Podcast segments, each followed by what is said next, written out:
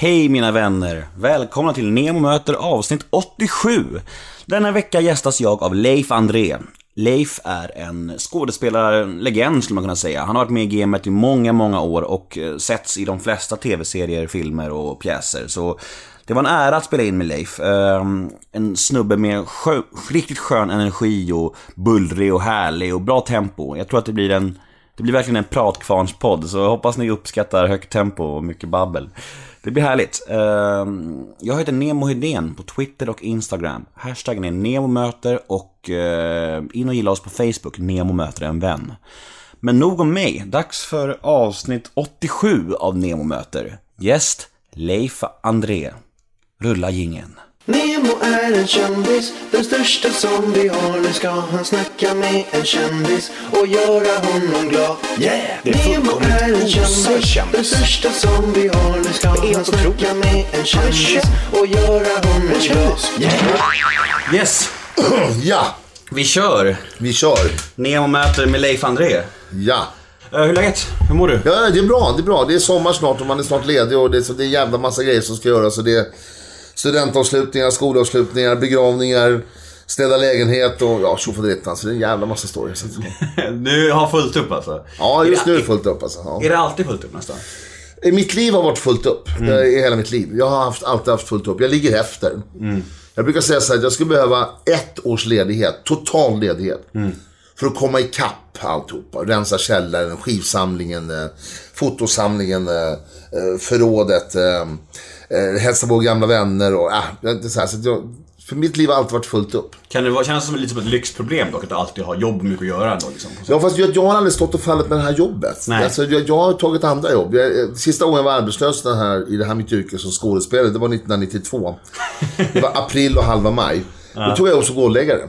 Ja. Ja, jag, alltså jag hjälpte till att assistera. Jag kan inte, jag kan inte slipa gård, men jag kan lacka. Ja. Eh, så att, jag har tagit jobb på, på sjukvårdsinrättningar hela faderuttan. Jag har aldrig stått och fallit med Skulle jag bli arbetslös imorgon skulle jag bara köra taxi eller bud. Eller, jag kan jobba i affär, jag kan diska på restaurang och sådär. Vad fan. Du gillar, du gillar att jobba helt enkelt?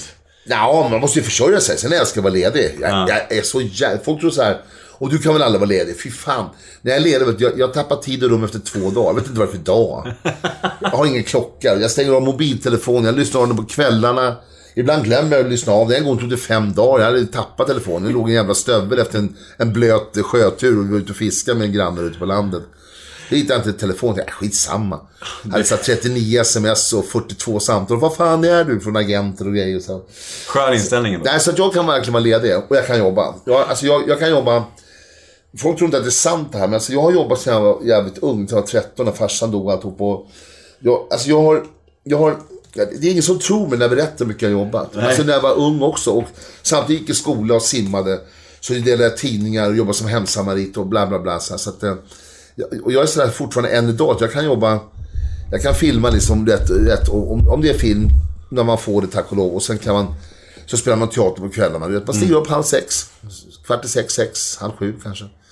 Fem ibland och sen så kommer man hem klockan halv elva, elva, halv tolv. Sen upp igen. Så kan jag hålla på i veckor, Jag månader. fattar inte, du, har du har ju fyra barn och en fru och så säger jag att du ibland jobbar så här. Går inte det ut över, tänker jag, Jo. fadersrollen? Det går verkligen ut över fadersåren. Har du varit en frånvarande farsa skulle du säga? Nej, jag har varit både frånvarande och närvarande. Men jag har jobbat mycket och det här yrket är också så att där, du jobbar jävligt mycket kvällar. Så man blir väldigt asocial va.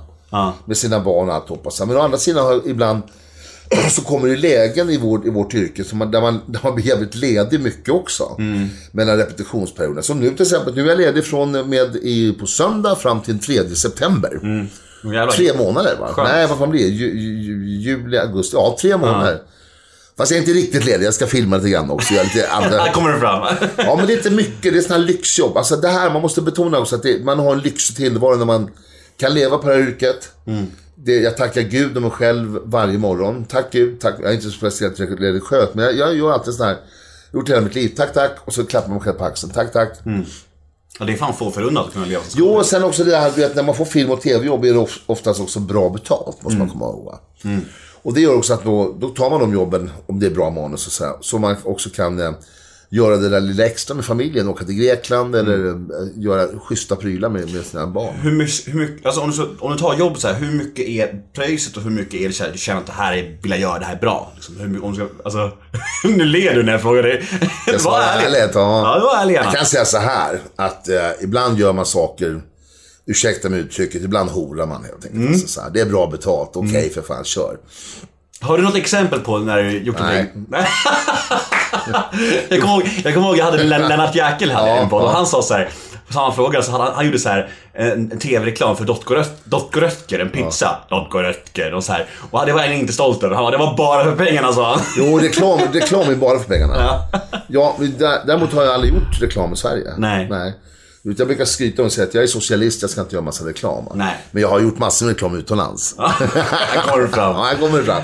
Nej, men så att ibland finns det film och tv-grejer som man gör som inte är sådär hundraprocentigt bra manus. Men, man, men jag har tackat nej till saker ibland också när det gäller film och tv. När det är för uselt. Va? När det inte är någon kvalitet alls. Va?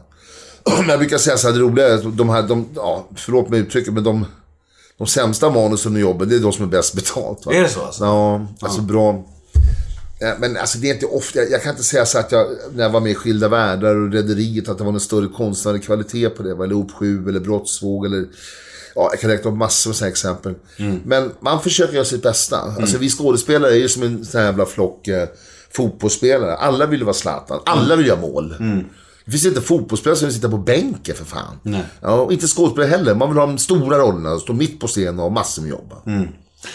Jo, jag tänker så här. Vi, vi har ju en liten, liten, liten koppling. Du känner mina föräldrar lite grann. Ja. Kan vi inte prata lite om det först bara? Ja. Hur, känner du mina föräldrar? Jag kände din mamma genom att uh, uh, hon, hon, hon gick, vi gick i samma skola. Ja? Hon, hon älskar det för övrigt. Ja, tack, tack. Jag älskar, älskar henne också. Tillbaks. Och då så, så var det faktiskt så att hon gick, om jag gick i åttan gick hon i sjuan. Jag tror hon är född 59 om jag ska vara ärlig, va? Hon- 60. Ja då, ja, då gick hon två klasser under. Och hon och en tjejkompis till henne, de var lite kära i mig. Så de stod utanför mitt fönster en gång. Jag skulle hälsa det till dig så. Ja, Östberg 41. Så stod de där och slängde upp stenar, kommer jag ihåg. Jag tittade ut så här. Stod de där och vinkade här. Då gick jag nian och gick i sjuan, så var det precis. Vem var du i skolan? Var du, var du populära snubben i skolan? Nej, jag var inte den där populära snu- snubben i skolan. Men jag, jo, jag var populär. Jag har, all- alltså, jag har aldrig varit elak kille. Jag har aldrig mobbat någon och sådär. Tvärtom har jag stävt mobbing vid ett tillfälle. I, fem, i steg till sexan. Ja, just det, sexan.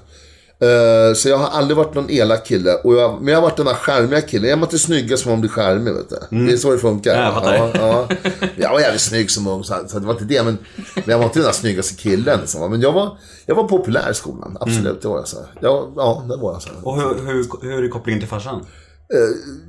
Till farsan, men sen Karin också var ju också, kom ju med i punkvågen och hela den Ja, ja, precis, så. just det. Och jag är som sagt var punkare också, så, här, så att gammal punkare, det går ju aldrig ut, det kan vi ta sen.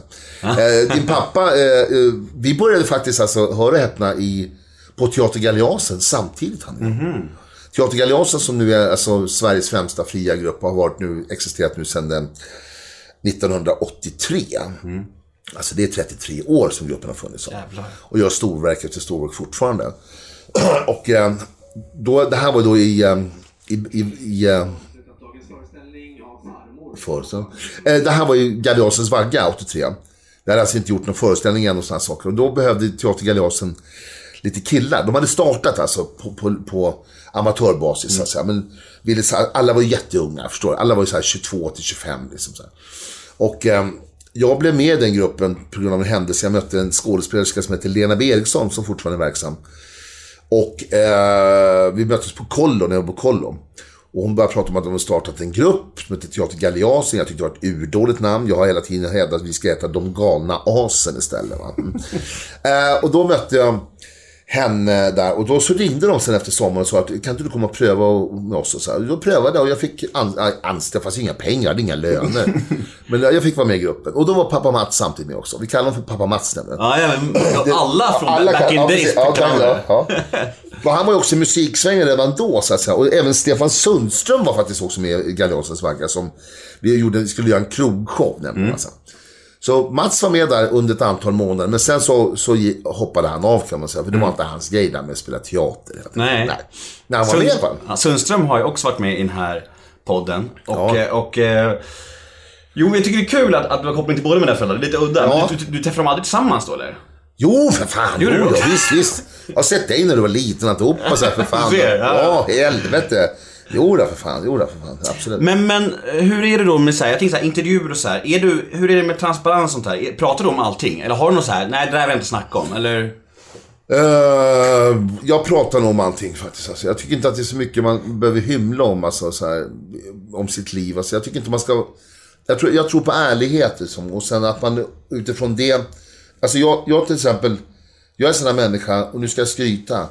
Jag dömer aldrig människor. Jag dömer inte människor alltså, på förhand. Eller, jag hatar ryktespridning. Jag hatar, det värsta jag vet när folk sprider rykten om, om människor. Va?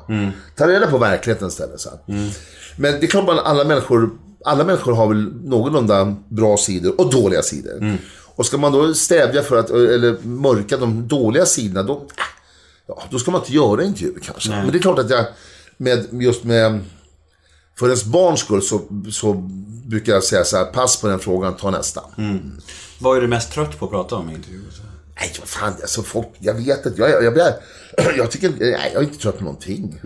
Nej, Jag, jag, jag vet, nej, men jag, jag är trött, det är klart man blir trött ibland på frågor om, om barndomen och sån här skit. Men, men, alltså, eller skit eh, men, men det har jag tagit upp så jävla många gånger, mm. Stjärna på slottet och intervjuer hit och dit och så här. Men det, ja, det är viktigt att prata om det här också, att man, man kan komma från en lite trasslig barndom och sen även, så att säga, lyckas. Och det är det jag mest vill förmedla, att säga till alla kids att, att när det är besvärligt hemma och med morsan och farsan och eller om man har jobbat i skolan. Så ha, om man när en dröm så ska man försöka och, och lyckas med den drömmen. Så. Och det är inte så att du behöver lyckas, men du kan i alla fall sträva efter den. Alltså.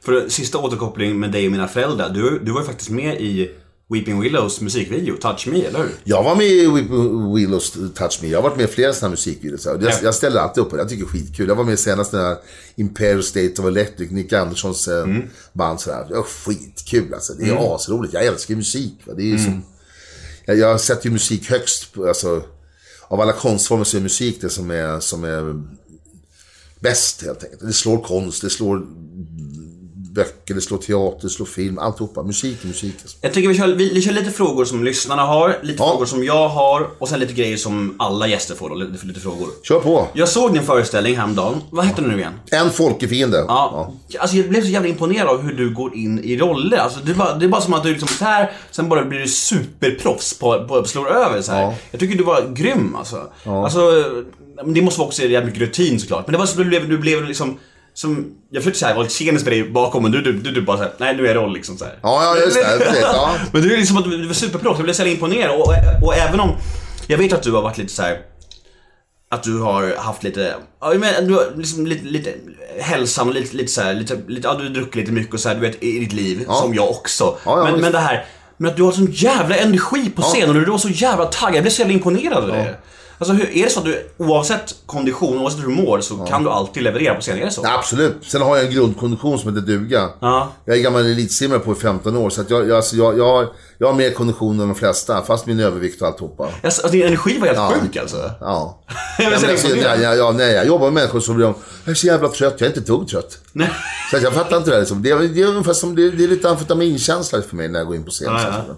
Men så jag är privat också, jag, alltså, jag kan orka hur mycket som helst. Jag kan, jag kan vara vaken flera dygn, liksom, Mm. så här, om det skulle vara så. Sova tre timmar och sådana. Så att det där, det där är... Är det samma kick att gå på scen nu som för 20 år sedan? Ja, det är det. Det är lugnare nu. Det är Mm. enklare. För 20 år sedan var jag mer stressad. Otroligt nervös innan föreställningar. Jag har haft Mm. en, en scenskräck som heter duga. Jag har den fortfarande ibland. Jag har den vid två tillfällen i den här föreställningen, Folkefiender. När det blir lite snurrigt så här. Det kommer alltid på samma ställe. Det kallas för panikångest. Det kan vi kanske prata om sen också. Mm. Det har jag ju hela tiden. Så. Men, men, men, men det är lugnare nu. Jag är coolare nu. Jag, alltså jag känner så här. Om folk inte tycker om det så skitsamma för fan. Gör det själv då för fan. Alltså jag, inte, jag vill inte bli älskad av alla. Det det sitter en människa där ute som tycker att det jag gör är bra. Men nu vet jag också, få höra att det jag gör är bra. Det stärker också mitt självförtroende. Och det är också, men jag är inte så här, teater är inte liv och död längre för mig. Jo, det är liv och död. Det är liv och död på ett sätt. Man måste alltid leverera. Men det är inte det här, det finns värre saker. Det, det är krig i Syrien och det, det är terrorhot i Europa och det, det är minskade liksom, eh, eh, alltså ökad fattigdom i Sverige och klyftor och alltihopa. Så att det finns värre. Teater är, det är underhållning på ett sätt. Va? För när, när, för när, gjorde den här, när gjorde den här rollen, du står ju nästan och skakar för du, när du är så taggad. Ja. Man tänker såhär, mår han bra där? Eller är, det ångest han har? Eller är det Nej, det rollen? var, så här? nej, nej, det var, det var en regissör som tyckte att jag skulle... Hon tittar på mitt, tittar på Ja, mitt jag ben, vet. Så här hela tiden, Ja, ja, och det, det, det där gör jag privat också. Min fru är galen med mig, så jag kan du sluta skaka fan, för jag, jag kan inte sitta still. Ja. Det, är- det splittrar i kroppen, så här. det, är fan, det händer grejer hela tiden. Så här. Så att, det, då tog vi med det där i pjäsen. Så att, Mm. Som en jag- liten pojke. liksom. Ja, men jag framkallade också lite Mm. grann på scenen också, så att det blir de där spasmerna ibland. Så här. Lite då och då bara. Lite, Mm, vet, lite. Inte hela tiden, bara lite då och då kommer det så här. Så här. Men du, vi var inne lite, lite, på, lite på hur du kom in i skådespelaryrket det här Ja. med galia- galeasen och så här. Men var det, var det självklart val för dig att bli skådis? Jag var liten så, jag ska inte säga att jag blev mobbad, absolut inte. Men jag var klassens, jag var klassens det här, det här tysta killen. Det kan man inte tro va? Nej, det är otroligt. Jag var verkligen den här tysta killen. Och i tvåan, vill jag minnas att det var, så när jag kom hem så min salige mamma som nu är död tyvärr. eh, vi bodde i Aspudden, en liten tvåa. 48 kvadratmeter, sex stycken. Det funkade, det var så man levde på den tiden. Ja. Så kom jag hem och det var precis efter Per Oscarssons uppträdande i, i Hylands hörna, såna här saker. Med det när han drog av sig kalsongerna och här saker. Så kommer mamma hem, jag kommer hem från skolan så här, säger mamma kom, kom hit. Hon hade druckit lite vin som hon gjorde med sina granntanter på eftermiddagarna. Ibland, inte alltid. Eh, så satt jag måste bara berätta nu. Du vet, det, det, här. Så visade hon, så att hon och kissade och visade hon på sin mutta. Så hon sa, det här är mammas. Så pappas har ju snopp som du har va. Så stoppar han in den här och så, så, så, så blir det barn. Så kommer du och här saker. Jag bara stod, jag kommer ihåg, än idag kommer jag ihåg, jag bara stod och svimma. Och jag hette Samla. Samlag. Jag tyckte hon sa samblad. Hänger du med? Ja, ja. Samblad. Ja, häng med nu.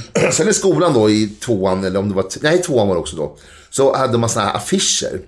Du vet, på djur och på landskap. Och sen hade jag såna gamla skolaffischer. Stora. Så hängde det på Adam och Eva. Och så fröken Birgitta Rung, vi kallar henne för Birgitta Pung. Men Hon var jättefin lärare, lärarinna. Eh, Jag hade kontakt med henne sen många månader efter. I alla fall. Eh, hon, hon, hon, eh, hon började prata om Adam och Eva då. Va, så här. Och de, om man, om alla kommer ihåg det här, nu är det radio, men om man beskriver så är det ju Adam och Eva i lustgården. Va? Ormen är där och äpplet och, och de går där. Och, så. och då har de ju löv framför snoppen och muttan och brösten. För mig var det, alltså, jag har alltid, alltså, jag har alltid, alltid haft associationsproblem. Va? Det där var blad för mig. Så jag räcker upp handen och säger så här, fröken, fröken, jag vet hur man får barn. Och hela klassen blev helt tyst. Så, här. Jo, så reste jag mig upp. Det, som de har där, bladen. Man gnuggar bladen mot varandra så blir det barn. Så gjorde jag så här. Man gnuggar bladen mot varandra. Samblad. Ja, du skrattar. Det gjorde de andra också. Alla skrattar. Bara, "Åh, det heter knulla. Så här. Skitbra. Jag ska, jag ska inte säga att jag blev mobbad, absolut. Men jag blev verkligen den där lite, lite fjanten i klassen. Jag hade två kamrater, Lars och Roland. Vi var de här tysta killarna som samlade på frimärken och liksom pratade sådana här saker. Eh, jag spelade inte fotboll eller hockey någonting. Jag visste inte ens vem Uffe Sterner eller Honken var. och Så här. I alla fall. Och sen var det en brottningstävling i, klassen. Och då var det så att, att eh, jag, jag, jag slank bort från det hela tiden. Man skulle slåss, bråka, alltså brottas och se vem som var klassens svagaste kille. Till slut var det, var det oundvikligt. Va? Fick jag ställas mot Roland Rolle och han brottade ner mig. Då var jag klassens svagaste kille. Och sen var jag någon vecka efter så blev det bestämt att en tjej då, klassens killtjej så att säga, va? skulle brottas med mig också. Och hon brottade ner mig. Och då kommer jag ihåg när jag låg där på gruset bakom Aspuddens skola. Det här måste jag göra någonting åt. Jag kände, alltså det låter som en efterkonstruktion, men jag kommer ihåg det. Så jag bestämde mig, för jag hade en sak, jag hade, jag hade lätt för att vara rolig. Så jag blev klassens clown. Jag blev den där roliga killen. Bästa försvarsmekanismen. Absolut, man slår aldrig en clown alltså. Nej. Nej. det, så kanske jag inte kände, men jag blev den här roliga killen. Därför att det var en sak jag hade lätt för med skolan. Det var när det var roliga timmen, som det hette på den tiden. Det var alltid du vet, vårat gäng, vårat, man delade upp i grupper så här, det var fyra eller fem grupper så här. Och jag, våran grupp var alltid rolig alltså. Jag hade lätt för att improvisera. Och då var det, då, då, då, då blev jag klassens riktiga clown. Så varenda gång någon grupp eh, inte hade, du vet, säg, fröken stod och sa, nu är det grupp två tur. Ja, vi, har, vi har ingenting, vi har inte. Men Leffe kan gå fram, så ropar alla bara, Leffe, Leffe, Leffe. Och det var bara att resa på sig, gå rätt fram med en klump i magen och sen snubbla det första och ramla med huvudet i papperskorgen. Och sen bara hålla på. Va? Fan. Ja, och då var det så här, nu kommer det här, jag vet att det är en lång historia, men skitsamma, nu ska jag ta kort. Så knackade på dörren en gång eh, i trean inför julen. Och står fröken där med en annan man. Och så tittar de mot mitt håll och säger, Leif, kan du komma? Ja, vad är det nu? Jag går i den här i gången. Och då var det en lärare som frågade om jag ville vara med om, och spela med Jesus-spelen då. I det som klass, som, som skolan gjorde då, inför avslutningen. Och jag sa bara ja, jag har aldrig kunnat säga nej till hela mitt liv. Det började redan när jag var liten. Ja, ja, visst, ja, visst.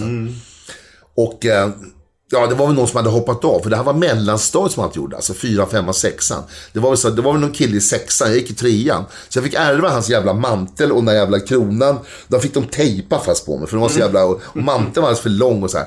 Och då spelade då Herodes. Herodes, den onde kungen va. Som vill döda Jesus. Va? Och första, första showen då, det var för föräldrar var det första, just det. Och sen var andra för, eh, för hela skolan också, så att säga. För det är en så stor skola, mm. alltså ettan till nian redan då. Och när jag kommer in där på scenen och hade repat bara någon vecka liksom så här. Så, och vi, och det var inte mygguppstärkt någonting. Och så slog jag min stav och sa Akta dessa män i panterhudar. Det var första repliken. Det var då, han anspelade på de tre vise männen då. Och sen kissade jag på mig. det bara rann ur benen så här. Men det var ju mantel va, så det syntes inte. Tur. Ja, så gjorde vi en show till. Jag hann springa hem och byta brallor emellan. I alla fall. Eh, det var min första roll, Herodes. Och då kände jag så här, det här låter jävligt komplext, galet och tvärtom. Jag vill bli skådespelare. För den här känslan gick upp på scenen, den var obetalbar. Jag kommer ihåg den en dag. När jag, du ser, jag ryser när jag pratar om den. Så vet, den här, hela aulan full, alltså 500 personer. Bara, wow. Ja, så. Men var du bra på det direkt? Nej, jag var inte bra alls. Eh, sen jag den här drömmen då, då att bli skådespelare. Och som jag sa, i, i klass 4 fick jag en, en, en enkät som det heter. Och då var det, då var det Lars-Erik Björnvall hette vår lärare i, i mellanstadiet, i fyran. Och vad, vad, bla bla bla och hur du bor och vad, vilka färger man tycker om och vad man gör på sin fritid. Och på slutet var frågan så här, vad vill du bli när du blir stor? Då skrev jag skådespelare eller porrfilmsfilmare. jo, men för att, ja, men det, jag hade inte sett någon porrfilm. Men jag gillade brudar redan ja. liten. Jag hade aldrig tjejbaciller som alla har. Va? Jag var helt besatt i, i brud, alltså flickor, framförallt äldre flickor med, med tuttar. Jag älskade tuttar när jag var liten. Ja, det är jag. Det älskar du fortfarande. Ja, jag för fan. Men så, och så, det hade varit hemma hos en släkting och som, farbror. Då vet jag att mamma och pappa de hade sett på sån här, sån här super 8 taskig jävla porrfilm från Tyskland. Alltså, på 60-talet. va. Och där låg jag. Alla andra kusiner bara, fy fan vad äckligt. Vi låg och smög där bakom soffan. Du bara, fan vad schysst. Ja, Jag bara såhär, wow. De ligger där och mm, pussar varandra. Titta. Och jag visste inte vad... Och vilket pådrag det blev. Dagen efter eh, blev min mamma och pappa uppkallade till, till, till, eh, till honom och till rektorn också. Det är ett jävla liv alltså. Men eh, ja.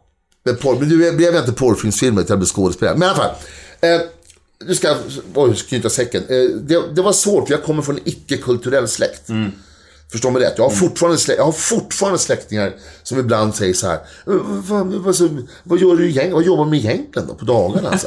så att det är så, fortfarande. Jag fort, det är bara några år sedan jag var på en begravning och sa, "Ja, men, alltså, du, du, du har lön och sånt där. Ja, äh, fan vad roligt hörru. Men shit. Ja, så att jag kom på det. Så jag fick söka min egen väg. Mm. Söka teaterskola, höll på med skolteater, eh, avbröt på sån här. Och så sökte jag en teaterskola när jag var 20 år och bla bla bla. Mm.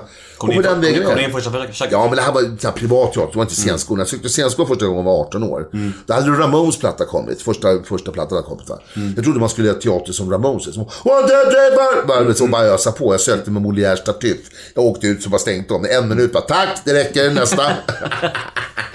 Fan. Nej, men sen har jag sökt mig liksom, den, jag har gått den långa vägen om man, om säger som så.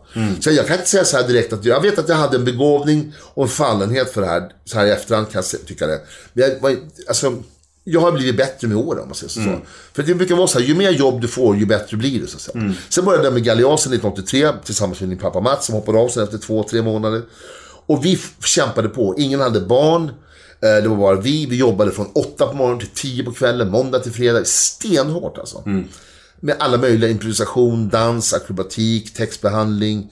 Ja, you name it. Liksom. Så vi, vi gick vår egen scenskola hela gänget Galeasen. Alltså. Så. Med, Rickard, coolt. med Rickard Günther som konstnärlig ledare då. De första tio åren, tolv åren så här.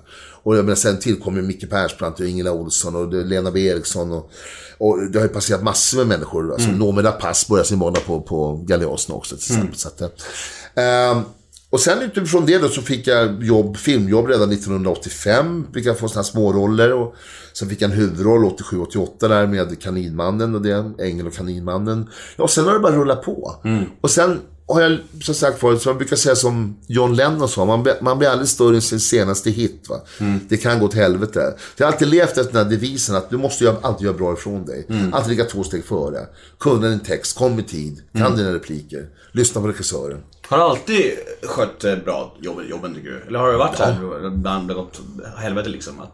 Hur då menar du? Helt Nej men alltså jag, Nej. jag tänker såhär, du, jag tror du är pro- proffsig, jag tänker såhär, du har aldrig liksom Jag vet inte, varit så bakis så du inte kunnat jobba till exempel. exempel. Nej, det, jag har varit faktiskt, det kan jag erkänna. Jag har varit jättebakis vid några tillfällen. Jag har några sådana här riktiga skrämseldagar som jag kommer ihåg än idag som jag ryser av och kan få mardrömmar av. Mm. Det har blivit helt jävla fel va. Eh, men ja, det där har jag alltid lyckats stävja liksom. Genom Mm. att liksom, det, att, äh, ändå alltid komma i tid. Men, Mm. man är, men nej, jag har aldrig, jag har aldrig ställt till någonting. Nej. Nej, jag fattar. Men vad hade du, alltså det här kanske är en vanlig fråga, men vad har du gjort annars? Ha- Hade du liksom, om du inte skulle göra skådespelaryrket, vad skulle du göra då? Nej, men alltså, när, jag, när jag var liten, när farsan dog då när jag var 13 så började jag dela ut eh, Söderposten. Ungefär som, som, som en sån här lokaltidning, fanns redan då. Och delade lappar. Jag har jobbat hela mitt liv. Sen kom jag in på, inom, eh, jag jobbade, jag jobbade på varuhus. Jag tog sabbatsår då från eh, gymnasiet. Jag har jobbat inom sjukvården, alla inrättningar. Jag har varit hemsamarit i flera, flera år. Jag har jobbat på alla sjukvårdsinrättningar på Sundsvalls sjukhus utom psyket, för där gick jag själv en period. Där fick jag inte jobba. Eh, till och med varit på förlossningen. Alltså jag, jag, alltså jag har jobbat inom sjukvården så jävla mycket. va. Och med golv, golv, golvläggaryrket också. Så, som sagt var assisterat då. Så jag, jag har gjort så jävla mycket. Jag jobbat på fabrik, jag har jobbat i korvkiosk, ja, you name it. Vad tycker du är svårast i skådespelaryrket? Vilka roller, vilka roller tycker du är svårast? Eller vad, vad är svårast i yrket liksom? Skulle, Det jag, jag, jag tänker för Ja. jag tänker såhär sexscener, är inte det knepigt? Ja, men det löser man alltid med liksom. det, det, det löser man alltid med täcket över rumpan eller Det var som jag gjorde en sexscen i Äkta människor med Marie Robertsson. Det var, det var liksom, det var liksom, vi såg nakna ut men vi var inte nakna där nere och sådana saker. Det var en kudde emellan och sådana prylar. Och, Men vad är svårast annars? Vilka roller är svårast, tycker du? nej, inte någon tycker jag. Jag, jag, jag tycker det svåraste är, det svåraste är, det svåraste är att, att få till en karaktär. Och sen beror det också på om du har en, om du pratar film och teater, det är två olika saker, det är natt och dag. Va? Teater är en process. Du börjar repa med papper i handen liksom. Och du har 8, 9, 8, 10 eller 12 eller 14 veckor på dig fram till premiär. Och ibland går man fel. Jag brukar säga så här, om man förklarar det bildligt då. Man, man målar in sig i ett hörn ibland, va? förstår du? Och man har fått fel förutsättningar, man, man, har, man har fel undertexter, man, har, man är för överdriven eller du, du är för, du är för icke-trovärdig. Och, och, sådär. och då måste man så att säga måla ut sig. Och det där måste en regissör hjälpa en med. Va? Nu är jag en sån här skådespelare som har väldigt lätt för mig att ta fram mina känslor. Liksom. Jag, jag har inget svårt för det. Jag är inte så rädd för att misslyckas heller. Det har jag aldrig varit. Alltså. Är det, är det svårare att få folk att skratta än att få folk att gråta? Ja, det är det. det, är det. Är det så? Ja, att, lära, att få folk att skratta är ganska svårt. Och komedi tror folk ofta att förknippas med buskis eller liknande. Men det är inte. Komedi är riktigt, riktigt alltså. Det är riktig teknik och, och jävla känsla för timing. Det är, timings, det är en timinggrej. Alltså. Har, har, skulle du säga att du har själv komisk timing? Ja, ja. jag har fått det. Jag har blivit bättre på det. Men det är också det här också lite grann så man studerar de stora elefanterna. Eh, Jag gjorde en pjäs som heter Svensson Svensson med Anna Svensson och Susanne Reuter 99-2000 eh, på privatteater. Privatteater bygger lite grann på att det ska vara komedi och det här var en komedi. Då satt jag varje lördag, hade en skitliten roll som prästen. Det var en ganska stor roll för att, i andra akten. Så jag kom alltid till pausen liksom, klädd om, kanon, lyxjobb. För jag hade filmat på dagarna. Jag hade ändå tänkt att vara sa- ledig ett år där, ett halvår. För bra betalt och jättefina ensemble. Men varenda lördag då, så kör man två föreställningar. En 15, en 19, mm. 19.30. Så varenda gång när vi körde andra föreställningar på lördagar, var hela hösten, vintern, våren, så satt jag i en liten loge där på sidan om på scenen och bara studerade Susanne och Allan. Eh, varje, för hela första akten. Varenda jävla lördag. Bara för att lära dig? Ja, jag bara satt liksom och bara, och bara jag satt liksom, fan, hon, alltså, det, var på, det var på 0,8 sekunders paus där, 1,4 sekunder där, där kom den repliken, exakt varenda kväll. Så det är timing och så, det där, man lär sig mycket av sånt där också, så att säga. Vem tycker du är Sveriges bästa skådespelare? Jag. Nej, det är inte. Skämt åsido. Men nej, jag det, det är intressant. Hur högt håller du dig själv? Jag vet att jag är bra, jag vet att jag kan leverera, jag vet att, jag, liksom, jag vet att folk litar på mig, jag vet att eh, många vill ha och sådana saker. Så de, det, det, det rycks i mig hela jävla tiden. Från alla möjliga håll. Alltså framförallt teaterhåll. Alltså film är lite annat med. Där tänker man lite annorlunda. Så, men även där har jag också... Nej, jag vet att jag är väldigt bra faktiskt. Men, men, men eh, Men vilken är du, vem är du mest imponerad av? Skulle säga? Vem är mest mångsidig? Vem- tycker du bäst av? Ja, jag jobbar ju nu med, som med, med Jonas Karlsson han har ju sån här, han har ju en sån här, när, när, när Jonas gjorde sin praktik från scenskolan i Rumänien, en pjäs av Lars Norén på Scala teater, på, på Plaza 1997, vi hade premiär den 4 april, tror jag det var. Jag är knäpp på det här och kommer ihåg datum och, och allt det där. Ehm, Och då gjorde Jonas sin scenskolepraktik. Och man såg redan då som att shit vilken kille, vilket jävla register han har. Alltså. Man blir nästan, jag, jag kommer ihåg en gång blev jag nästan lite förbannad. Vad fan, vad, så jävla ung och bara ha det. Så här. Så jäkla häftigt för att jag, jag, jag hade Björn Kjellman i podden häromdagen. Han svarade också Jonas Karlsson. Ja, du ser. Du Det är ser, sjukt. ja. Det är för att Jonas har ett register. Han har så brett register. Nu har vi jobbat mycket tillsammans, jag och Jonas. Så jag brukar alltid bli lite imponerad när vi jobbar tillsammans. Vilken, vilken bredd han har. Sen kan jag säga att han återkommer vissa saker som han är bra på. Den är lite lätt nervös, den är liksom lite spattig och så här saker. Han, vi, vi har, han och jag har ungefär samma driv. Vi, vi, vi är ganska lika jag och Jonas på samma driv. Det, det, det, det, det är en motor som bara puttrar på hela tiden. Alltså. Varför? Men han, jag måste säga, fortsätta säga med Jonas att, nu tog jag ett exempel så här, vad som jag tycker på en, på en bra, nu är ju även Jonas min vän och Hammarby-fan också, Bra. Bayern Bayern. I alla fall, men, men eh, det, var, det var det jag kom att tänka på. Sen finns det ju massor med andra exempel också. Det finns ju mycket sådana skådespelare som man, man aldrig ser mycket av som, som kändisgrejer och så här, som är skitduktiga. va. Jag menar, vi har sådana här som Mats Kvidström på teater som, som det, finns, det, finns en, det finns en hord bra Det är skådespelare. intressant, jag tänkte på det när när jag såg din föreställning häromdagen. Jag kände igen alla andra skådespelare, men jag Ja. kunde inte nämna namnet på dem. Nej. De var som bekanta, alla ansikten i hela föreställningen. Men jag kunde inte nämna namnet på dem. Och jag är ändå ganska bra på skådespelare och Men det och finns, det finns, vad fan finns det? 3000 skådespelare? Det är det jag menar. Du kan inte hålla reda på alla namn. Nej, jag vet. Borås stadsteater, så du kan ju inte veta vilka som jobbar Men hon, någon, hon, hon spelade huvudrollen mot det. Hon heter Charlotte va? Silla. Ja, men hon, hon var hon med i Svensson Svensson också? Nej, hon var inte med. Hon var med gjorde den här uh, Kerstin Thorvald-serien nu för något Ja, ja, ja, precis. Ja. Fel ute. Men, men... Men sen blir man också imponerad av många kollegor ibland när man jobbar som, som, eh, som, som, som alltså det finns, jag brukar säga så här, det finns så många kollegor som aldrig riktigt får chansen. Nej. Man måste få chansen att göra den där huvudrollen, vara den drivande. Det är det man växer på. Va? Nu har jag haft, ta det tre, turen alltid fått sådana roller och, och dröm. Alltså jag, folk har frågat mig, har du någon drömroll? Nej, jag har inga drömroller. Därför att det jag gör skapar jag som en drömroll. Det var min nästa fråga. Ja. Vad är drömrollerna? Vem skulle du helst spela mot? Ja, men det har jag sagt varenda gång också. Det kan jag säga ytterligare en gång. Så här. Och det är då, jag vill spela James Bond-skurk. Det har varit, jag var så här, det, det, det kan jag liksom, eh, det, det kan jag liksom, eh, ja. Annars har jag inga så här riktiga drömroller. Alltså jag, jag tycker det jag får göra är drömroller. Jag skapar ett drömroll. Kom in! Nu kommer en kostym här. Tjena, kom in, kom in, kom in. Kom in. I din, i din kostym? Ja, det, det, de, du vet, här blir man omhändertagen Har du på- samma kläder varje föreställning? Ja, Den är... samma kläder. The, the Clash t Ja, the det är min egen Clash t-shirt också. Jag misstänkte det. Ja. Det är sådär med den här, showen så var det då han som gjorde kostym, Erland Birkeland, han sa kan ni ha era, egna kläder? Ni heter våra egna namn och sådana saker. Förutom Smidigt. Ja, Som Charlie Sheen. ja precis. Charles Sheen, precis. Men du, du, du har flera stycken av den här kläder, för du var ute och bytte efter halva va? Nej. Gjorde du inte? Nej, nej. Jag får att du, du var svettig men så försvann svettet. Ja, precis. precis ja. Det blir varmt på scenen, men vad fan, han kommer i skogen också. Ja, du ser. Ja. Nej, men så att det där med drömroller, det, det, du, det, det, vi ses sen. Det, det, det, det, det, jag tycker det där, det är klart man ibland när man var ung tänkte så, åh, tänk att få spela Hamlet och, och när de skulle göra Beck-serien, åh, få spela Gunvar Larsson. Nej, vad fick jag vara med i Beck. Fick jag vara med i Beck? Ja. Lite jävla skitroll för sig. Så. Sen gjorde vi, Ändå. gjorde vi parodi på den kommissarie Beck också. Så. Det var roligt. Ja, för fan. Jag, vet, du, jag tänkte såhär, vad, vad tycker du är roligast av teater och film? Tycker, du- alltså, när det är, jag tycker det är lika roligt. Jag, tycker, jag älskar att spela teater. Jag tycker det är så jävla kul den här processen. Repetitionsperioden när man får liksom... Så här, och, det, och det här mötet med publiken. De gamla vanliga flosklerna i och för sig, ja, jag vet. Men när det stämmer som det gör till exempel i den här föreställningen så är det så jävla kul. Sen är...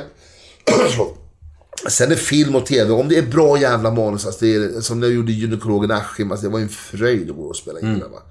Äkta människor också. Bra manus liksom. Och jävlar, Vad wow. heter den här jävla rullen? Den- Heter den Om jag vänder mig om? Om jag vänder mig om, ja. Också Precis. Fan vad den var bra. Det är en av mina favoritfilmer. Ja, Så jävla bra film. vi- Rekommenderar vi för lyssnarna. Ja, titta på den. Jag ska stänga av telefonen. En av Och de sen, bästa och sen, svenska, filmerna jag har sett. ja, precis. Den blev vi också, den, vi fick ju eh, Silverbjörnen för den i, i eh, Berlin. Ja. Eh, både bästa film och bästa konstnärliga insats. Ett Head over to Hulu this March, where our new shows and movies will keep you streaming all month long. Catch the acclaimed movie All of Us Strangers, starring Paul Mescal and Andrew Scott. Stream the new Hulu original limited series We Were the Lucky Ones with Joey King and Logan Lerman. And don't forget about Grey's Anatomy. Every Grey's episode ever is now streaming on Hulu. So, what are you waiting for? Go stream something new on Hulu. A lot can happen in three years, like a chatbot may be your new best friend. But what won't change? Needing health insurance. United Healthcare Tri Term Medical Plans, underwritten by Golden Rule Insurance Company, offer flexible, budget friendly coverage that lasts nearly three years in some states. Learn more at uh1.com. instiftat pris. Som vi skådespelare fick där. Grymt. Och det var röda mattan och limousiner och, och liksom kravallstaket och alltihopa. Vilka var med i den förutom Det du? var Pernilla August, jag, Magnus Krepper, eh, Jakob Eklund. Ja, just det. Otrohetsdramat. Tror, ja, precis. Och, och det var en jävla massa. Och eh, Marie Rickardsson och ja, det var en jävla massa. Och Ingvar Hidvall och, och hans fru Marika. Och, Vad är det bäst pengar? Men vänta, jag måste bara prova. När, när vi var där och vann det här priset va. Ja. Alltså, och det var direktsändning i hela jävla Europa, utom i Sverige, Norden tror jag var så här. En polare som bodde i Spanien som, som ringde mig dagen efter. Fan, såg det på TV igår. Så. Sen när vi åker hem sen, då var alltså vunnit, vunnit alltså, det mest prestigefyllda priset i Europa. Alltså, Det är Europa som var på Oscar. Alltså, mycket, ja, Venedigfestivalen också, filmfestivalen, den slog ganska högt också. Annars är det Berlinfestivalen då, Silverbjörnen. Och det var ett hela, jag satt ju där och pratade med Frances McDormand som mm. hon från Fargo och hon satt i juryn, satt och snackade med henne på middagen efteråt. Det var fantastiskt. Och det var bara så här eh, celebriteter. Och eh, när vi åker hem i alla fall, dagen efter, sent på kvällen, så kom vi till eh, Holland, till, till mellanlanda i Amsterdam, på vägen hem. Och så åkte vi hem, det är ett SAS-plan. Och när vi går ombord där, det var Ingvar Hidvall och jag och, och Förbrantos och, och ja, ett gäng andra. Några hade åkt tidigare. Peter Andersson var också med, just det. Så säger vi så här, fan, har, ni några svenska tidningar? Ja, visst hade de både Aftonbladet och Expressen. Och vi bara klättrade upp den och tittade vad som står. Stod, I ena tidningen stod det ingenting. I den andra var det en liten, som ett litet frimärke ungefär. De, fyra frimärken stort. Eh, Björn Runge vann pris igår på festivalen i Berlin. Sen var det åtta sidor. Åtta sidor av finalen av Robinson, där hon Robinson-Emma hade vunnit. Åtta sidor. Hur, hur mycket skador det då? Då, då stod det mig så här, så här. Tänk om det hade varit åtta sidor om våran film som jag hade vunnit. Åtta sidor. Och en liten, liten halvnotis om att Robinson-Emma hade vunnit finalen. Förstår du hur man kan skapa det som intresse? Så så fungerar media också. Ja. Ja, jag var nyfiken på när vi snackade om eh, teater kontra film. Vad är det bäst betalt i? Film såklart. Ja. Teater är skitlöner. Vi har inga bra löner på teater. Vad, vad, vad, vad tjänar ni på det här? Vad tjänar du på det här? Kan du, kanske- får du säga det? Eller är det en privat kanske? Ja, det kanske kan vara privat. Men, men jag kan säga så att tror medellönen på, för skådespelare i min ålder på institutionsteatrar. Det är ju skattefinansierade teatrar måste man komma ihåg. Det är inte privatteater. Privatteater är helt annat betalt. Men på den här teatern tror jag att medelinkomsten på skådespelare överlag ligger på eh, 24-25 000. Men inte för dig. Ja, jag har lite mer, ja. Precis, ja. Men jag vet att jag har kollegor som tjänar, i min ålder som tjänar 26, 27, 28 kanske. Så. Men jag har lite mer, ja. Men inte mycket Klart mer. Leif André har lite mer. Nej, men inte mycket mer jag Nej.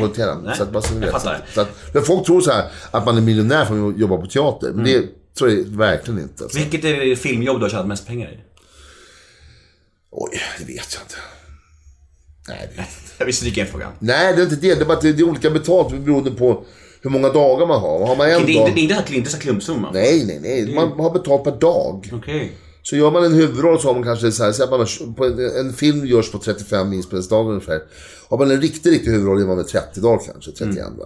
Har man, eller 25. Har man en biroll kanske man är med, en stor biroll är så 15, 17, 18 dagar. En mindre biroll 7, 8, 9 dagar. Men så har man fått hum om vad det rör sig om bara så här. Så vad, vad, vad kan det handla om per dag då? Det kan handla om allt, om vi tar en högbudgetfilm, I Sverige? hög budget i Sverige. Så ligger det beroende på vilken skådespelare det är. om vi skalar bort eh, de absoluta, om vi tar bort Persbrandt till exempel, alltså, och Micke Nyqvist kanske, och Noomi och så här. Så ligger dagsersättning på en högbudgetfilm, alltså, som har mycket pengar, som har en bra budget, så ligger det på, på faktura räknar jag också, va? inte som lön. Nej. Så ligger det på mellan, om det är högbudget, mellan ja, 12-13 tusen per dag upp till 25 ungefär. Per dag. Så det- om man sätter, ja, om det är 30 dagar det kanske typ 300, 300 000 ungefär. Om det är 30 Nej, då är det 30 inte, dagar. nej, då- säg det, att det är 400. För så här. Men du vet, det görs inte så mycket filmer, så det där går inte heller liksom att säga så här. Det, alltså, det, är, det är flera år sedan jag filmat till exempel, en, Ja. en, en biofilm. Eh, däremot har jag gjort TV mycket på. Och där är det lite lägre. På TV är det lite lägre. Där ligger en normal eh, gage då på, på, på faktura på, på en TV-serie. Det ligger på från 8 till, till eh, 14-15 ungefär. Jag är så himla nyfiken på det här med att bli regisserad. Jag tänker så här, om, när du gör film eller vad det nu är, teater eller vad som helst. Ja, vi säger film.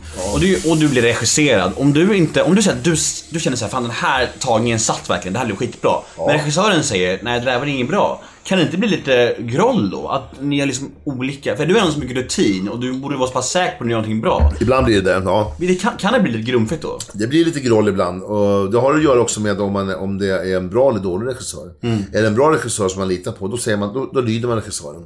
Och gör om scenen. Men ibland kan det vara så att man har fått till det, tycker man själv. Men alltså, det är inte så att man står och speglar sig själv när man filmar. Nej. Ah, där var jag bra, fy fan. Utan man försöker leva sig in och vara den här människan. Och då har man inte, i alla fall jobbar jag så. Jag tittar aldrig på dagstagningar. Jag tittar aldrig på det. Det finns kollegor som tittar på, på vad de har gjort liksom, den dagen på klipp. Alltså, det gör inte jag. För jag det där överlämnar jag till regissören. Men visst har, det, visst har det funnits tillfällen man tycker så här, men nu får vi ge det. Säger man till då? Ja, jag har sagt till. Men, då, men jag, tror, jag tror att man tänker så här, jag tror att det är enklast att säga till om man har några år i ryggen. Det är svårt som ny skådespelare. Ja, det är svårt, det är svårt. Det, det, det, gör man inte. Men du har ju så pass mycket Ja. rutin så du har nog lite mer rätt på något sätt att säga till. Ja, det var faktiskt vid ett tillfälle jag gjorde en film som hette Vinnar och förlorar, Kjell, Kjell Sundvall gjorde. Jag jobbar med Kjell så mycket så att, och vi gillar jobb, jag gillar med honom. Då gjorde vi en serie ute på Sovalla. Och eh, nej, den blev inget bra. Den, den blev inget bra, tycker jag. Nej. Men Kjell tyckte den var jättebra. Så här, bra, tack, då går vi igen nästa scen. Nej men Kjell, vet du vad? Jag, alltså jag, jag sjabblade lite grann när jag sprang efter sulken där och hästen så här. Nej, nej, nej, men det är bra. Jag klipp, klipper runt det där. Så här. Man tar ju helbild och halvbild och närbild så här. Ja, men kan inte få göra en till? Så här, nej, det måste vara så. Kan, nej, vet du vad? Gör så här Kjell. Jag gör inte nästa scen om inte jag får göra en scen till. Så. här. Då tittade han på mig och så log han. Och så ropade han till Tibet. Nej, vi tar en tagning till. Så, här, ja.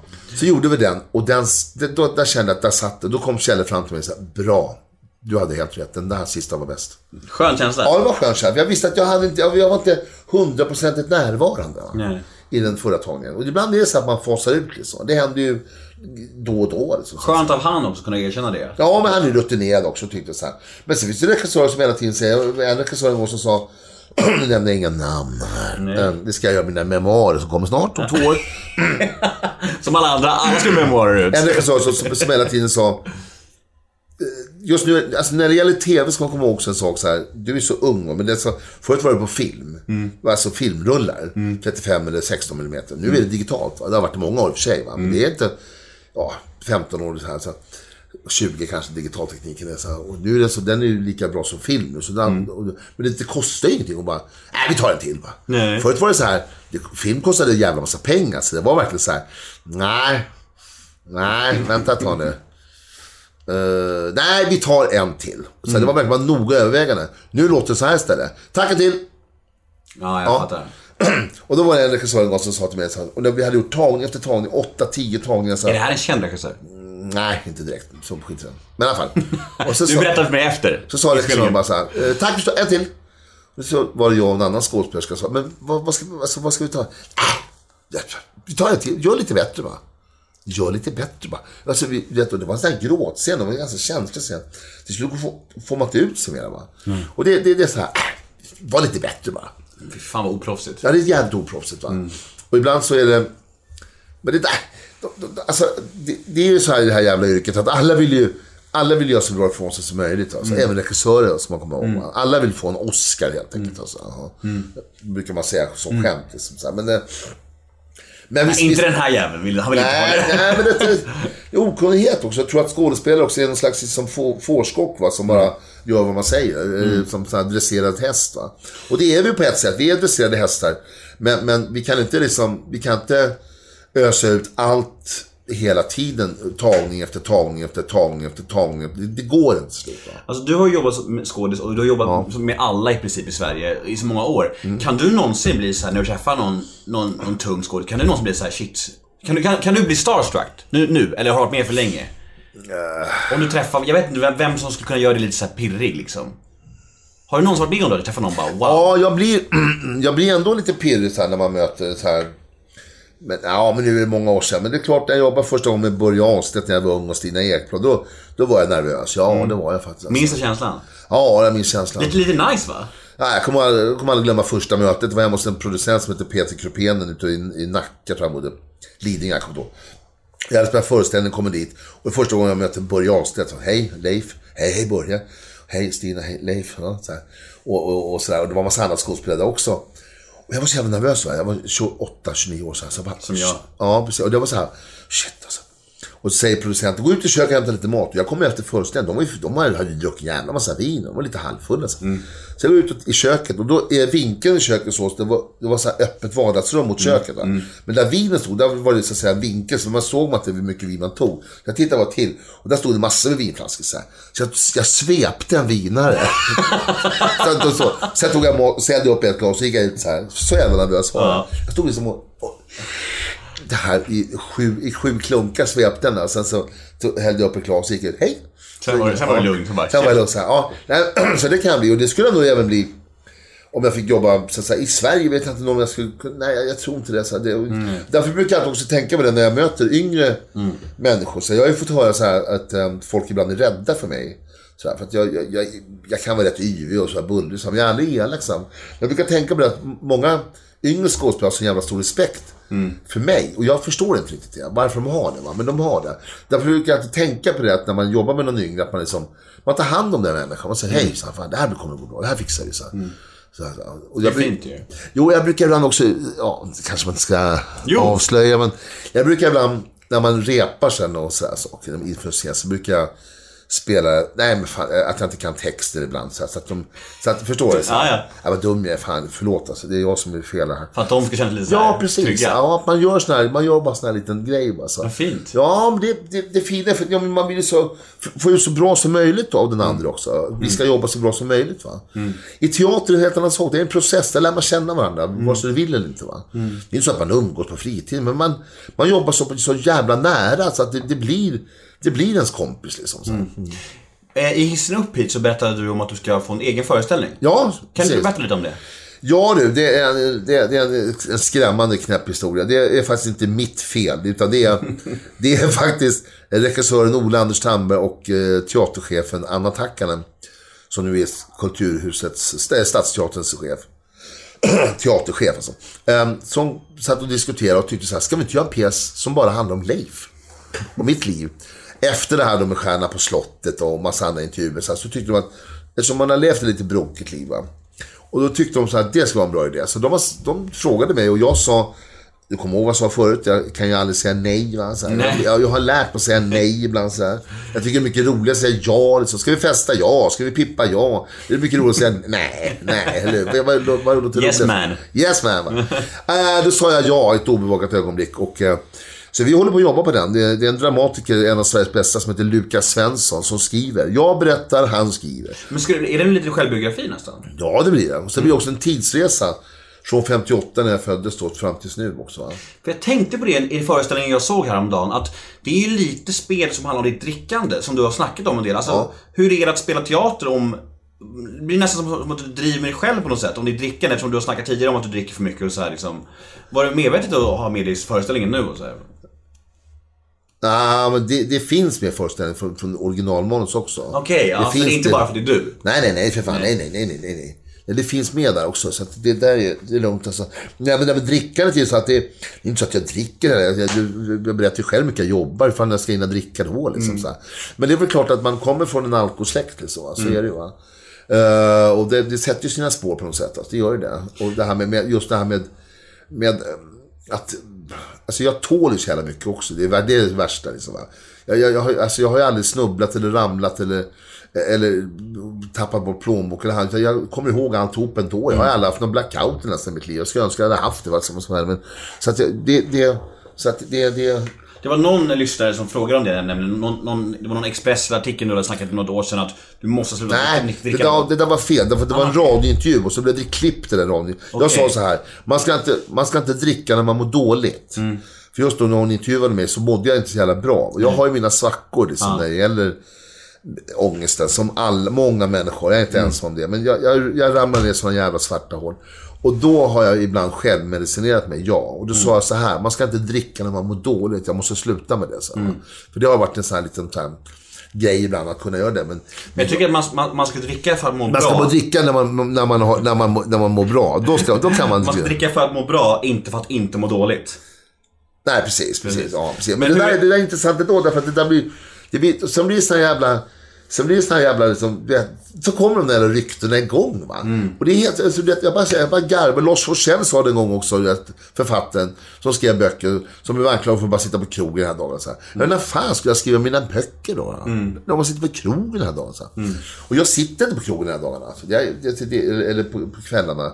Det där är bara dumheter. Och det är perioder ibland man liksom bara man, man, man inte dricker en droppe liksom, på flera månader ibland har hänt. Liksom, så här, ett glas vin och en lördag kanske. Så här. Sen ibland så kommer det andra perioder. Så här, så att det, men Vad är, det- vad är det ni dricker i teatern när ni dricker något rött? Är det... det är saft. Och det är, och det är så jävla äckligt att jag spyr ibland efter föreställningen. Det så jäkla mycket ju. Ja, det är det. Och det, den är så koncentrerad. Va? Det är inte som vanlig saft. Den är, det är hälften är ju saft i jävla glaset. va. Koncentrerad saft. Så att jag spyr ibland. Alltså jag, jag, jag, jag har sådana kvällningar efter ibland. För det blir sån här sockerchock också. För det var någon lyssnare som frågade så här: hur är ditt förhållande till alkohol? Det var någon som frågade. Ja, ja, visst, visst, ja. ja. Men du har berättat lite om nu. Ja, men det kan jag berätta mer om också. Det, det, det, det är också det här med, med, eh, med alkoholen. Den är, den är ju... Den är ju rolig. Det är ju faktiskt så. Alltså, så här. Den, den, till, till en viss gräns. Och sen kan den bli skrämmande. Så man ska passa sig för det här med alkohol om man så att säga, har de generna och har de den... Alltså det är bättre att gå i terapi alltså, om man mår dåligt än en, än en kröka. Så att säga. Men drickandet, alltså, om man ska vara riktigt ärlig. Den, det, mår man jävligt dåligt så efter något glas vin så mår man bättre. Tyvärr alltså. Droger? Nej, jag har aldrig sysslat med droger. Jag har tagit droger, men jag har aldrig sysslat med det. Så, ja. Alltså, jag, alltså, ja, men du vet, fan man är ju född på 50 Du vet, när jag, på 60-talet när jag växte upp, på slutet av 60 eh, framförallt 70-talet. Så alla mina polare, inte alla, nej nu överdriver men polare alltså, sniffade ju Tinder var populär på den tiden. Det har jag aldrig gjort. Nej. Nej. Förutom en gång i en, i, i, i en, i en, garage, i en garage uppe i Sundsvall 1979. Och så en kompis som hette Anders Brodin, Brodde, sångare i Brända Barn. Vi hade ingenting kvar på kvällarna, vi var skitglada. Jag var tj- Jag var 21 år. Gick ut och, och sniffade hans brorsas tank. Liksom. Det var helt galet. Ja, det var så jävla dumt va. Så enda gången. Det här med hasch, jag rökte inte cigaretter eller någonting på den tiden. Jag, jag, eh, så jag, jag, jag nyttjade all den hasch som, som många gjorde på 70-talet. Så, att, eh, så jag tyckte det bara var äckligt alltihopa. Så här, så att, men sen har jag rökt hasch någon gång, absolut. Inga uppåtdroger? Eh, ja, Du behöver inte prata om det. nej, skit i det. Va. Vi kan ta det efter inspelningen. Jag kan ta det efter inspelningen. Men det är samma sak, det är samma sak där. Med droger. När folk blir förfasade och säger, men herregud. Och det finns ju kända kollegor man har som sysslar med sånt där som står i tidningen så här. Head over to Hulu this March, where our new shows and movies will keep you streaming all month long.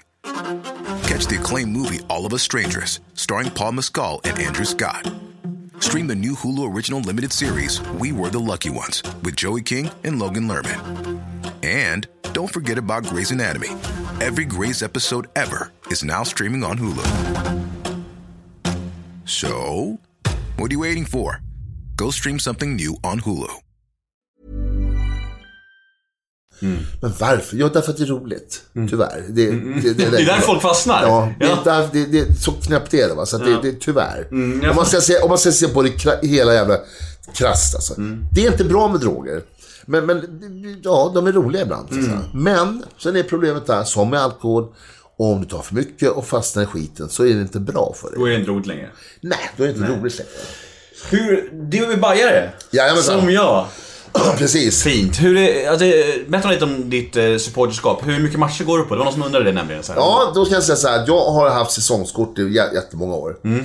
Eh, Jag, jag kan säga så här, jag blev lite knäckt efter flytten till Tele2. Jag vet inte vad det är. Det är någonting som inte... Jag har inte riktigt förlikat mig med Tele2. Nej, jag den fattar. är jättefin, den är, den är jävligt snygg och det, man ser bra och det är bra stämning. Men jag är ingen nostalgiker. Jag har aldrig varit någon no- nostalgiker. Men jag kan säga att jag saknar Söderstaden lite grann. Sådär. Ja. Eh, Jag har varit Hammarby sedan liten och det var ingen val. Utan eh, alltså, bägge mina farsor var Hammarbyare och som släkten och allihopa. Så att, när jag var liten, min första match tror jag var... jag, jag har försökt titta på det. Det var en kvalmatch, jag tror det var 66, det var alltså åtta år. På Råsunda. Mot Saab. Saab hette... Var fan kom de ifrån? Ja, någon jävla... Där kom laget Saab ifrån. Jag fick ingen aning alltså. Ja, skitsamma. Ja, eh, och sen så började jag gå på Hammarby sen när jag blev lite äldre sen. Och sen den här legendariska Hammarbyhösten 1970 när Tom Turesson kom hem efter en proffsjour i Brygge. När de vann mot Åtvidaberg hemma med 3-1. Och De låg alltså absolut sist. Och slutade femma. Förlorade alltså inte en match den här magiska hösten som kallas för Hammarbyhösten. När, när det började sjungas på läktarna och alltihopa. Mm. Det har ju skrivits och berättats om mm. spaltmeter. Och du vet, då var jag 12 år. Och då, då, då var min morbror Bosse, som tyvärr nu är död, han bjöd mig på den här matchen. Hammarby Åtvidaberg. Så sa han så här, Leffe, om, om, om Bayern vinner, vet du, då åker vi på Gröna Lund. han, var en riktig sån här gamäng, min morbror Bosse. Han festade sig in i helvete. Och sen, först jobbade han i tre veckor stenhårt och sen festade han i liksom en vecka med massor med pengar han tjänade. Han jobbade svart eller skit. Och han riktigt sån här stor, som ett hus. var han så, svettig och bullrig. och Så.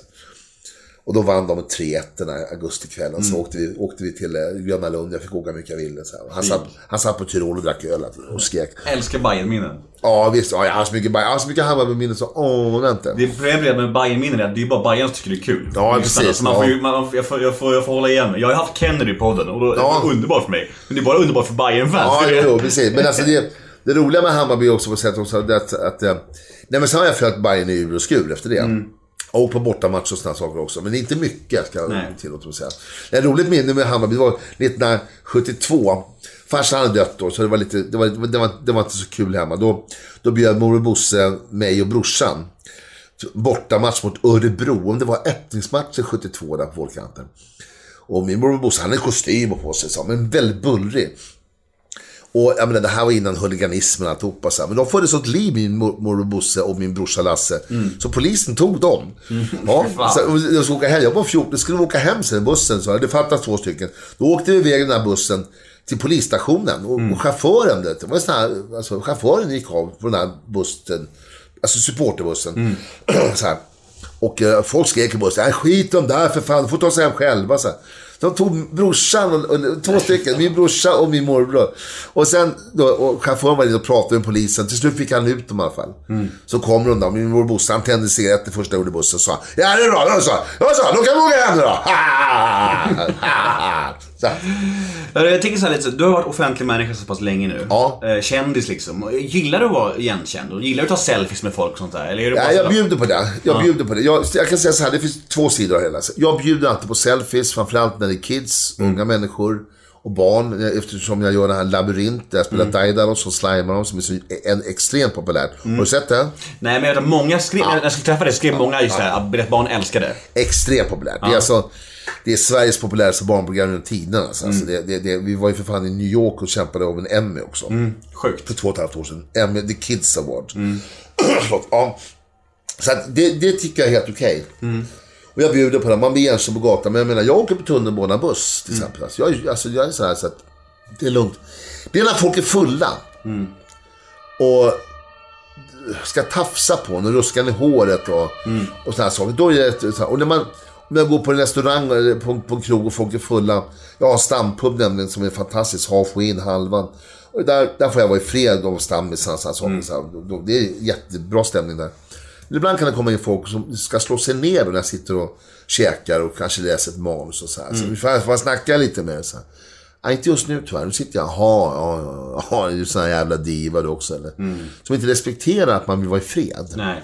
Eller man sitter med en tidning. Jag brukar köra det som exempel också att Om jag sätter mig och tar en, en, en, öl efter föreställningen, då tar jag alltid med mig en tidning. Så låtsas jag titta till, men jag gör inte. Jag bara sitter och tänker på annat. För att visa att jag är upptagen. Här.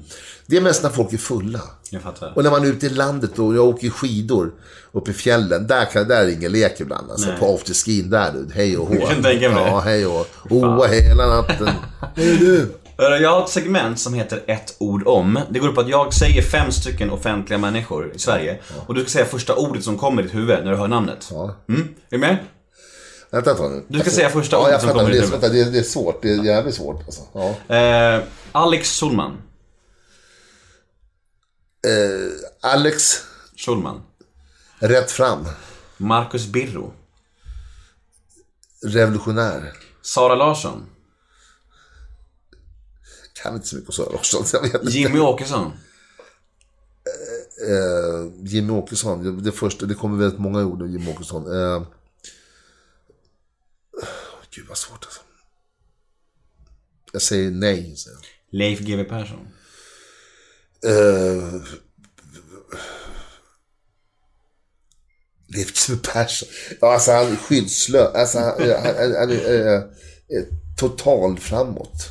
Ja. Ja, bra. Det var Ja, de, ja, det var var, de det var svårt det var. Sara Larsson sjunger, eller hur? Ja, men hon är bra. Ja, hon är bra. Just bra. nu.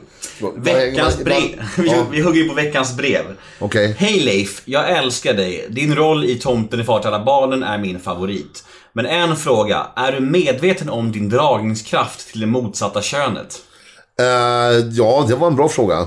Ja, det är jag. Blev faktiskt, i, i någon sån här jävla serie så blev jag utvald till Sveriges sexigaste kille som sån man. Så att, så att, men, men, eh, men, eh, ja, jo, ja, jag vill inte säga att jag anser mig att jag liksom går hem hos alla. Men, men en del. Kvinnokar?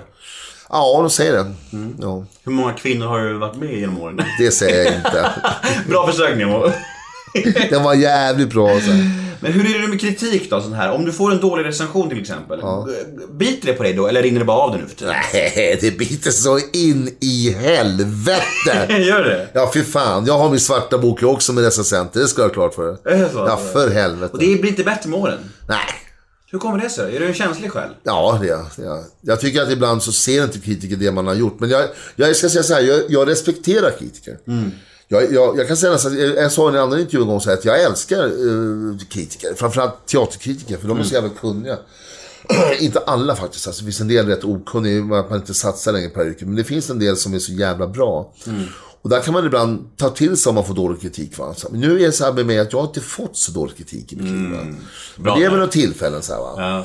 Och, och, eh, men när man får sådana här taskiga grejer som, som eh, nu nämner jag inga namn, när de bara är taskiga mot det. Liksom, Då känner man sig, men fuck you för fan, gör det själv då, för helvete. Ställ dig på scenen och gestalta det här. Är du självkritisk? Ja, det är jag. Alltid. Det är alltid. Jag, jag, jag jobbar, jag jobbar ut- utifrån de, de förutsättningarna att, att vara självkritisk. Vad får du som mest ångest för idag? Alltså när mår du som sämst liksom?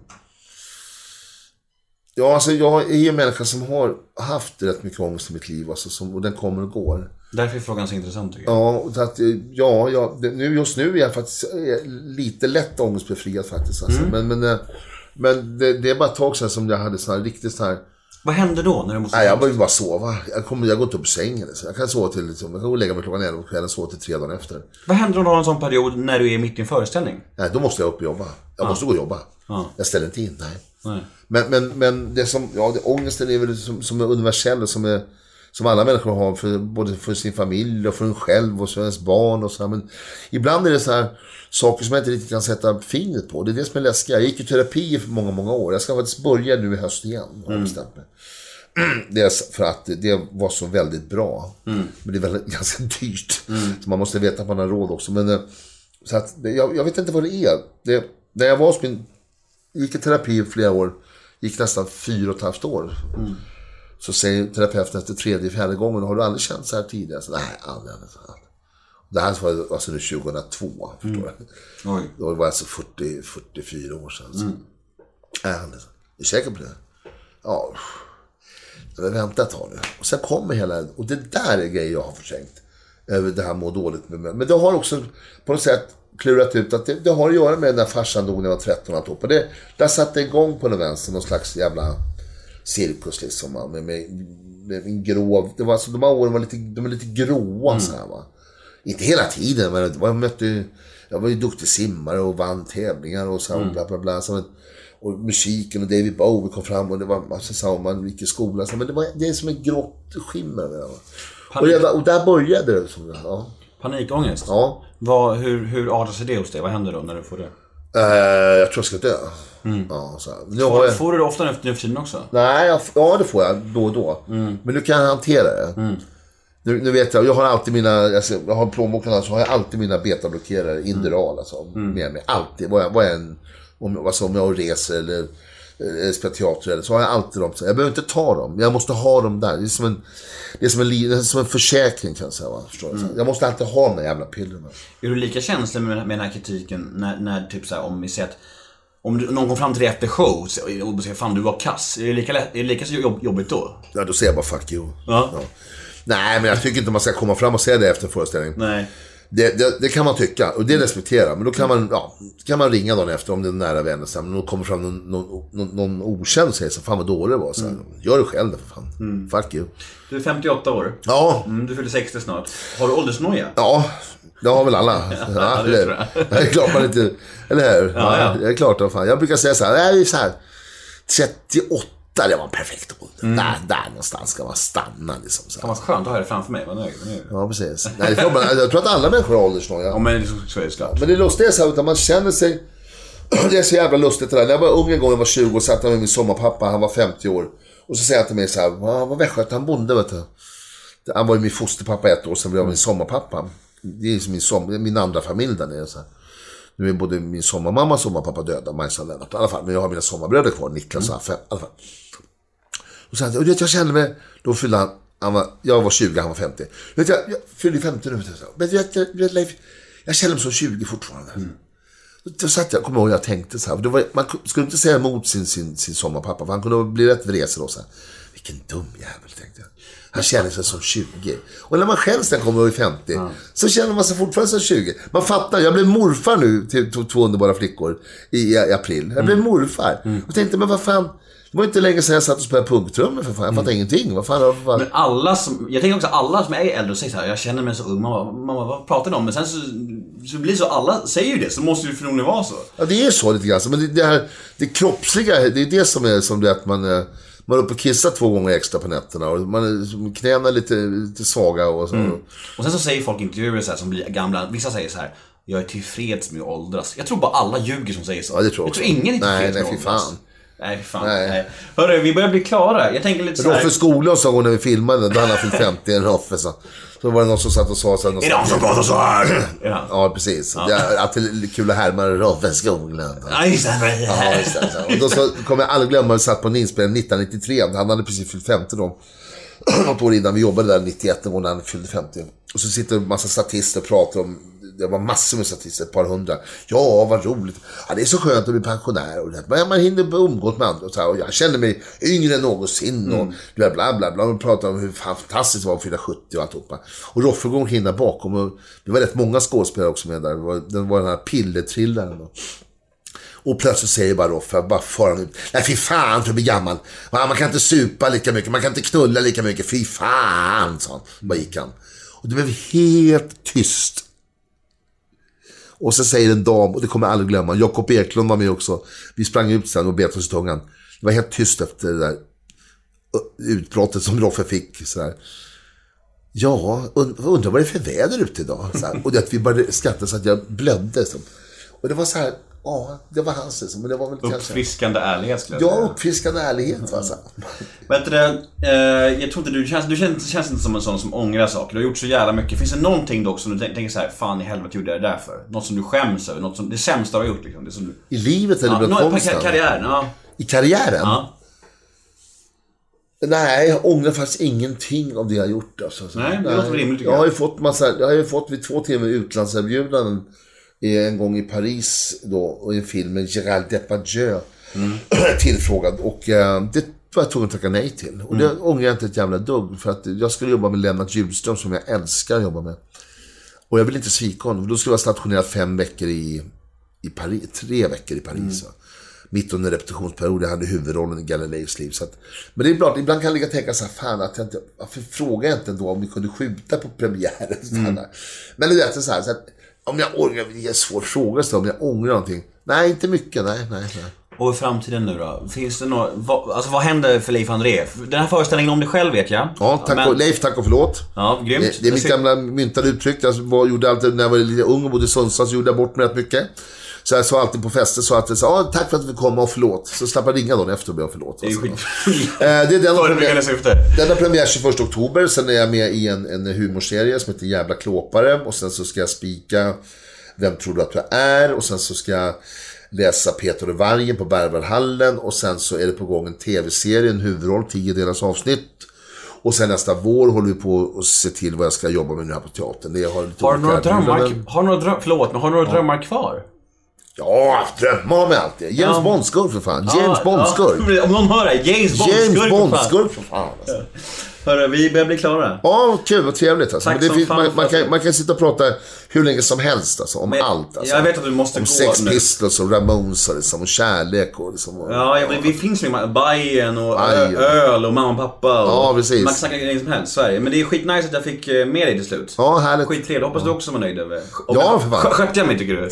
Du sköter det utmärkt. Det är fantastiskt att du är förberedd. Så här. Det är jättebra att vara så här förberedd. Mm. För då behöver man inte tänka, alltså då, då flyter det på på ett annat Mm. sätt. Det värsta som finns när journalister kommer och skriver, som inte är förberedda. Du, eh, vad har du gjort innan? Ja, du, du får gå in på nätet och kolla för fan. Alltså, ja. Nej, för man vill ju, man vill ju, jag vill, jag vill ju vara genuint intresserad av mina gäster. För ja, det ska det vara. Gästerna det, älskar det bra. Nej, nu måste jag faktiskt... Ja, grymt. Tack så mycket för att du var med. Tack så mycket. Tack. Eh, Jag heter Nemo Hedén eh, på Twitter och Instagram. Hashtaggen är Nemo möter. In och gilla oss på Facebook. Nemo möter en vän. Tack Leif André. Tack Nemo.